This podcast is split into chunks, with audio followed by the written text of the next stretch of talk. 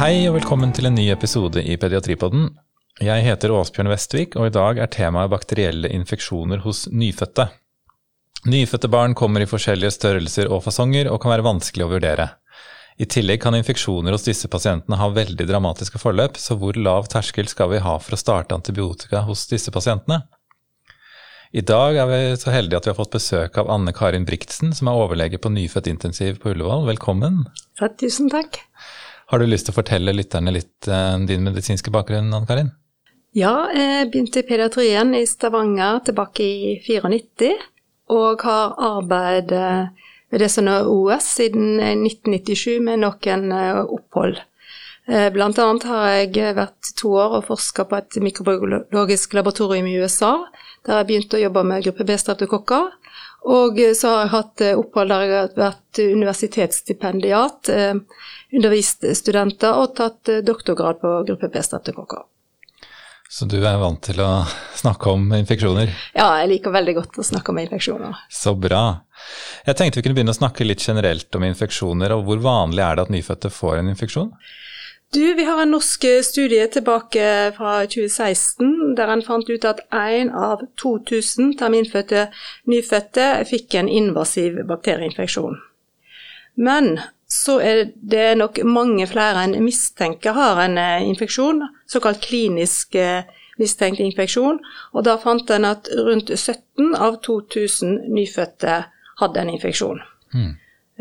Og det vil si at vi, og ganske enda flere får antibiotika fordi at vi bl.a. mistenker at de har en infeksjon, og eh, av andre grunner får de antibiotika. Så vi ligger på antibiotikabruk hos rundt 2% av alle terminfødte nyfødte. Mm. Og hvilke faktorer er det som påvirker om eh, de blir smittet, da? Jo, det er f.eks. prematur vannavgang hos mor. Det er en veldig viktig faktor. Jo lengre tid det tar for vannet går, jo mer åpent er det, og bakterier kan komme opp og gi en infeksjon både mens barnet er inne i mors liv, og også kan det få en infeksjon under uh, selve fødselen ved at det blir smitte av bakterier under fødselen. Uh, andre infeksjoner hos mor, f.eks. urinveisinfeksjoner, koriamnonitt kan gi infeksjon. Og eh, barnet kan også bli syke av horisontal smitte etter fødselen. F.eks. av eh, pårørende, av pleiepersonale. Men der, når det gjelder det siste, så har en ikke gode tall på det, men det er også en faktor som en skal ha i bakhodet. Mm. Og hvilke mikrober er det da som oftest de får, da? Ja, Når det gjelder terminfødte nyfødte, så er gruppe B-streptokokker den vanligste mikroben. Og tilbake til den norske undersøkelsen, så fant en det hos 58% av de babyene som fikk en invasiv infeksjon første leveuke. Og eh, ellers så finner vi hos premature eh, når de får en tidlig infeksjon, definert som infeksjon første leveuke, så er det vanligvis E. coli de får. Mm. Og både gruppe B-streptokokker og E. coli er jo bakterier som vi finner vaginorektalt hos kvinner. Og spesielt gruppe B-streptokokker ser en jo på som en del av det eh, mikrobiomet, eller normalfloraen, hos mange kvinner. Men de kan altså gi infeksjon hos nyfødte. Mm. Og så har vi også virale infeksjoner og sånn, men det tenkte ja. jeg vi kunne snakke om kanskje en annen gang? Gjerne det. Mm. Eh, og hva skal man da følge ved en sånn klinisk vurdering av disse barna? Jo, det er det mange, ofte uspesifikke symptom, spesielt i starten. Eh, og det er det viktig å være oppmerksom på. Barnet kan virke utilpasset, slapt, spise lite. Så er det det viktige symptomet respirasjonsbesvær eller rask respirasjon. Sant? Definert som pustefrekvens over 60 pust i minuttet. Og obs, det vet jo det sikkert de fleste barneleger, men det er viktig at en teller pusten minst over et halvt, gjerne ett minutt, fordi at de kan ha litt uregelmessig respirasjon. Mm. Så bruk litt tid på å telle respirasjonsfrekvensen. I tillegg kan barnet ha kortvarig pustestopp, apné. De kan ha inndragninger, nesevingespill. De kan ha lav surstoffmetning. Eh, så kan de også få feber, selv om det er et litt uvanlig tegn hos terminfødte.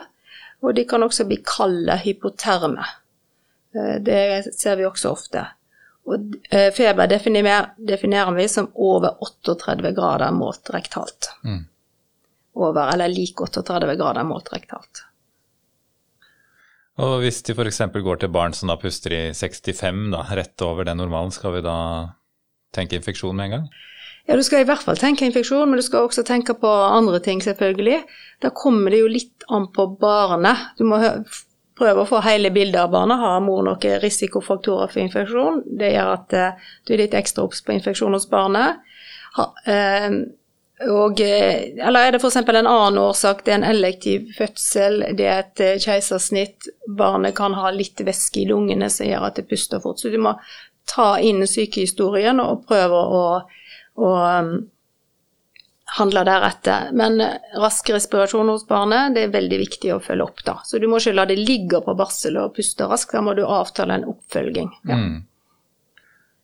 Så hvis et barn er litt utilpass på barsel uten at det er feber eller heller ikke noen risikofaktorer for infeksjon, er det da riktig å ta CRP? Eller bør vi heller følge pasienten klinisk, og hvis det ikke er infeksjonsklinikk, så kan vi avstå fra å ta denne prøven? Det som vi snakka om i stad, at det er viktig å sette dette i sammenheng med andre faktorer som gir økt risiko for infeksjon. Og hvis du er usikker på om det kan være infeksjon, så kan det være veldig fint å ta en CRP. Men og da kan du også få hjelp av andre blodprøver. Hvite f.eks. Lave hvite ser en ofte ved infeksjon, eller de kan være høye. Definert som lave, under 5 og over 30. Ta med trombosytter. Trombosytter under 100 kan være tegn på infeksjon. HB hører også med å se på i sammenheng, denne sammenhengen når en sier base. Sant? Det mm. barnet er surt, har det laktat. Det kan peke i retning av infeksjon. Mm. Men selvfølgelig, i starten så vil alt dette kanskje være litt uspesifikt. Eh, og eh, du, du må ta inn hele sykehistorien. Mm. Ja. Så det er ikke noe helt enkelt, klart svar på det der, Asbjørn. Jeg beklager. Nei, det, det, må vi leve med. ja. ja. Og før vi da starter behandling med antibiotika, eller gitt at du tenker at det er en infeksjon, da, og vi har lyst til å starte antibiotika, så må vi jo som hos alle pasienter ta riktige prøver før vi starter. Hva skal vi gjøre hos nyfødte? Hos nyfødte er det kjempeviktig å få tatt en god blodkultur. Det er det første. Og eh, der har vi nå i det siste lagt oss i selen på å prøve å få større volum i blodkulturene. For et av problemene gjennom lang tid, det både i Norge og internasjonalt, er at vi får tatt for lite volum. Og det er jo ofte fordi at vi tenker at vi har for dårlig tid for å få tatt blodkultur. Eh, fordi at barnet er lite, det er sykt, og vi ønsker å starte rask behandling. Men det vi virkelig prøver å få til, og eh, som det er veldig fint om så mange som mulig er med på å prøve å få til, det er at er barnet under et kilo, prøv å få én milliliter. Mellom ett og to kilo, prøv å få to milliliter blod. Og over to kilo, prøv å få tre milliliter blod. Mm. Ved lyskepunksjon og øvelse så er det faktisk gode muligheter å få dette til. Og da har vi større volum, mye større sikkerhet i blodkultursvaret. Mm. For jeg syns i hvert fall noen ganger når vi legger en PVK, og det kommer litt ut, og vi har fått, vi har fått inn en PVK, er fornøyd med det, og så får vi ikke nok volum til en blodkultur, bør vi da stikke igjen for å få tatt nok volum? Da kommer det an på hvordan barnet Hvis barnet er sykt, altså i forhold til at du tenker at det sirkulatorisk påvirker, her haster det, så ja. Ja. Da føler du har dårlig tid med å starte antibiotika, så må du prioritere det. Men hvis du har tid, så Hvis du har tid, så bør du stikke på nytt, ja. Mm. Hvilke andre prøver er det vi skal ta, da? Eh, det er eh, infeksjonsprøver som vi nevnte, CRP, hvite HB, trombosytter. Og eh, så er det viktig å vurdere om du skal ta en spinalpunksjon på bar disse barna. Fordi det er nærmest umulig å skille sepsis og meningitt klinisk. Nå skal det sies at meningitter det er sjelden at de oppstår første levedøgn. Det er gjerne de barna som kommer andre, tredje levedøgn. og det er såkalt late onset eh, infeksjon, som er eh, mellom 7 dager og 90 dagers alder, så ser vi en betydelig andel meningitter, 25-30% Så da er det spesielt viktig å spinalpunktere. Mm. Men alltid ved oppstart av antibiotika, vurder spinalfunksjon. Er ungen stabil nok, eh, så bør det være med, altså. Mm. Og hvis det viser seg at det er meningitt, så får det en behandlingsmessig konsekvens også? Det får absolutt behandlingsmessige konsekvenser, både på at de skal ha en høyere dose, og de skal ha en lengre behandlingstid. Og det gjelder for alle mikrober. Mm. Hva med urinprøve, da? Det trenger du ikke ta det første eh, ved tidlig eh, infeksjon. Da tenker vi første veka. Mm. Mm. Og så har vi radiologiske undersøkelser. Ja. Eh, røntgen er viktig å ta.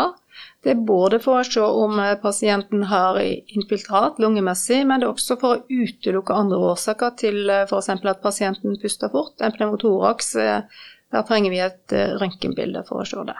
Mm. Ultralyd kapet og Ultralyd kaput har vi ikke rutinemessig, men ved påvist meningitt så hører det med. Mm. Ok, og så kommer vi til at vi skal starte med antibiotika. Hva velger vi? Da velger 95% av norske nyfødteavdelinger enten bensinpenicillin eller ampicillin og gentamicin. Det er fordi at da har vi veldig god dekning mot grampositive mikrober med ampicillin og eh, eller eh, bensylpenicillin, og gram-negative mikrober med aminoglykosid. Så det er gullstandarden. Og det er også bra sånn økologisk med tanke på resistensutvikling og eh, restriktiv antibiotikapolitikk at vi holder oss til de medikamentene. Mm. Hvorfor er det forskjell på penicillin noen steder og ampicillin andre steder? Det er fordi at uh, ampicillin dekker også listeria-bakterien. Der er det null til ett eh, tilfelle i Norge hos barn under ett år. Så det er veldig sjelden, men det hender av og til. Så det har vi dekka av ampicillin, da. Mm. Ellers er penicillin et utmerka eh, valg, så det er litt Det er kun derfor. Mm. Tenker vi annerledes hvis eh, barnet har vært innlagt en stund i forhold til hva vi velger antibiotika? Ja, absolutt. Fordi at eh, hvis barnet har vært innlagt en, en stund, så det, er det utsatt for sykehusets flora. Det er da gjerne så sjukt eller så prematurt at det har, eh, har innganger, f.eks. Sentrale kateter, det ligger en PVK der. Og da vet vi at stafylokokker har tendens til å gi infeksjon i denne pasientgruppa. Så da må du ha et godt stafylokokkmiddel. Og da kommer det jo an på avdelingen din hvordan resistensforholdene er ved, hos stafylokokker. Mm. Ja. Og så er det jo enkelte typer antibiotika, sånn som gentamicin, det er jo nefrotoksisk. Eh, og vi bør vi da skal, hvor redde skal vi være for nyrene til nyfødte? Eller er det lov å velge cefotaxim istedenfor, bare for å være sikker for å ikke gå ja, til nyrene? Ja, det er lov å velge cefotaxim, men du skal tenke deg om et par ganger. F.eks. ved asfiksi, sant, så vil en være redde for nyrene. Men eh, stort sett så går det greit å bruke gentamicin. Eh, det doseres sjeldnere, og du følger speil. Men selvfølgelig tenker du at her er det betydelig risiko for nyreinfeksjon. Barnet tisser kanskje litt òg, så da velger du cefotaxin, kan han trygt velge det. Men cefotaxin er et tredje generasjons eh, cefalosporin. Og på bakgrunn av den restriktive antibiotikapolitikken vi ønsker å ha i Norge, så er ikke det førstevalget for empirisk antibiotikabehandling de fleste plasser. Men har du eh, fått resistenssvar, og resistensen eh, gjør at du bør behandle med cefotaxim, så selvfølgelig skal du gjøre det. Mm.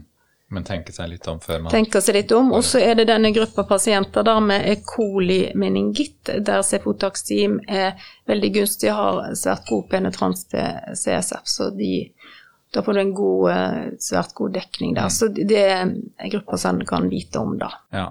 Men det blir først når man da Det blir jo ikke det man starter, eh, Vanligvis starter med, så vet du ikke mikroben, så da må det gå empirisk i starten. Ja. Mm.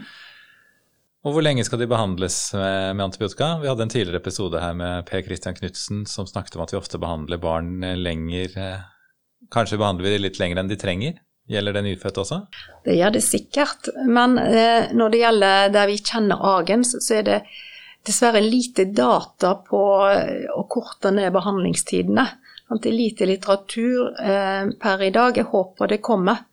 Eh, men f.eks. når det er gruppe B-streptokokke, en sepsis der, så er det anbefalt behandlingstid 10 dager og 14 dager ved meningitt.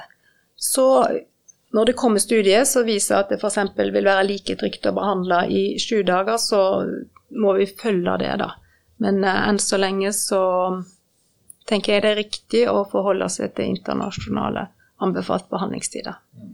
Men når det gjelder mulig infeksjon og behandling for sikkerhets skyld, kan den eh, korte ned behandlingstida, det er jeg ganske sikker på. I Scout-studien til Kanti og medarbeidere behandla en pneumoni og kulturnegativ sepsis i maks fem dager uten at det gikk utover sikkerheten. I tillegg ser en et aktiv handling holdning til antibiotika med revurdering av behandlingstida, senest 48 timer etter at kulturen er satt i varmeskap, også kan få ned behandlingstida. Det er viktig å vite at median tid til positiv blodkultur hos terminfødte nyfødte er under 24 timer. Mm. Så igjen så er vi tilbake på at det er veldig viktig å få tatt en god blodkultur, da. Kjempeviktig, ja. Eh, og GBS er jo den vanligste bakterien som eh, disse eventuelt blir syke med, og det er jo GBS er du veldig god på, så jeg syns vi må gå litt dypere inn i denne mikroben. Hvordan skal vi følge barn der mor har påvist GBS i svangerskapet? Eh, hvis eh, eh mor har fått påvist GBS vaginalt eller rektalt, så er det ingen spesiell antibiotika til mor under eh, fødsel. Men hvis mor har fått påvist GBS i urinen, så bør hun få antibiotika intrapartum. Det samme bør hun hvis hun tidligere har født et barn med alvorlig GBS-infeksjon, eller hun har intrapartum behandlingsresistent og vedvarende feber. Det er de tre grunnene til å gi mor antibiotika intrapartum i Norge per nå. Eh, så har hun fått adekvat profylakse, er det tilstrekkelig at barnet observeres på barsel i 48 timer, og eh, kan så reise hjem hvis ikke det får symptom på infeksjon. Hvis mor ikke har fått eh, fullgod profylakse, er det viktig at barnet følges klinisk på barsel ved fødsel, ved én timers alder, to timers alder og deretter hver andre time fram til tolv timers alder og barnet må være på sykehus i 48 timer. Før tok vi på disse barna eh, infeksjonsprøver ved gitte tidspunkt, men eh, det har vist seg at eh, du må ta prøver veldig mange barn for at du fanger opp en med invasiv infeksjon. Så nå er det vekt på å følge disse barna klinisk. Men det er kjempeviktig å passe godt på disse barna som har økt risiko for å få infeksjon med GBS. Mm. Og Er det vi som er barnelegen som skal følge dem klinisk, eller er det jordmor? Det, det blir jordmor som følger de klinisk. Og så eh, er det viktig at da jordmor ringer til barnelegen med en gang hvis det mistenker infeksjon, og at barnelege da raskest mulig kommer og ser til dette barnet, vurderer det. Er det tegn til infeksjon her? Skal vi ta blodprøver? Skal vi flytte barnet over på nyfødtavdelingen? Mm. Og de følges jo også ofte med temperatur, men du sa at temperatur ofte ikke er uh, affisert hos disse nyfødte? Jo, vi følger disse barna også med temperatur, for vi tenker at temperatur er et viktig funn ved neonatal infeksjon. Men eh, som du, vi har vært inne på tidligere, det er ikke så mange av barna med neonatal infeksjon som får feber mm. eller lav temperatur. Men hvis de har det, så skal en være ekstra obs. Skjønner. Eh, og veldig mange kvinner er kolonisert med GBS. Hvor mange av barna blir syke da? Eh, mellom 20 og 30% av kvinnene kvinner i, i, Norge og store deler av Vest-Europa er kolonisert med gruppe B-streptokokker.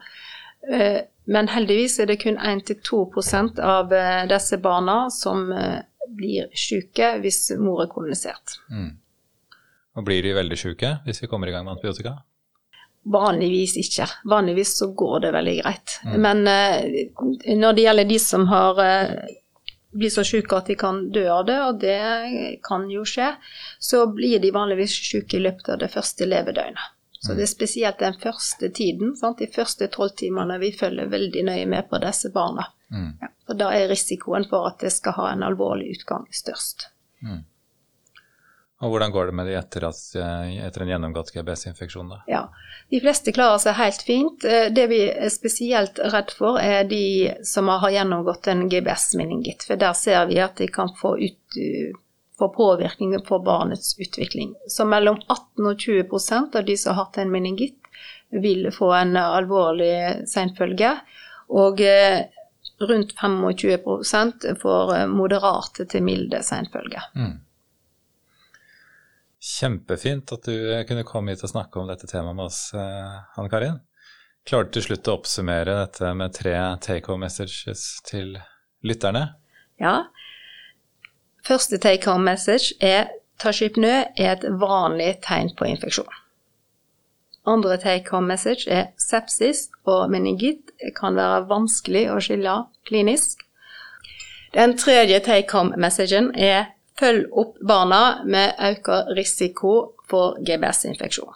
Er du usikker på disse barna, legg de inn på nyfødtavdelingen og følg de tett opp der. Der kan de ligge på overvåkning, vi kan se på metningen, vi kan måle temperaturen ofte, vi kan eh, se om de puster raskt, og ikke minst kan du raskt og enkelt komme til å følge tett disse barna. Det er kjempeviktig. Å ta over barnet til nyfødtavdelingen betyr ikke at du skal starte antibiotika på barnet, men eh, det betyr at du syns barnet har økt risiko, og du skal følge det godt opp. Kjempebra, supert. Takk for at du kunne komme til oss, Anne Karin. Og takk til dere som har hørt på også. Jeg heter Åsbjørn Vestvik, og vi høres igjen om en uke.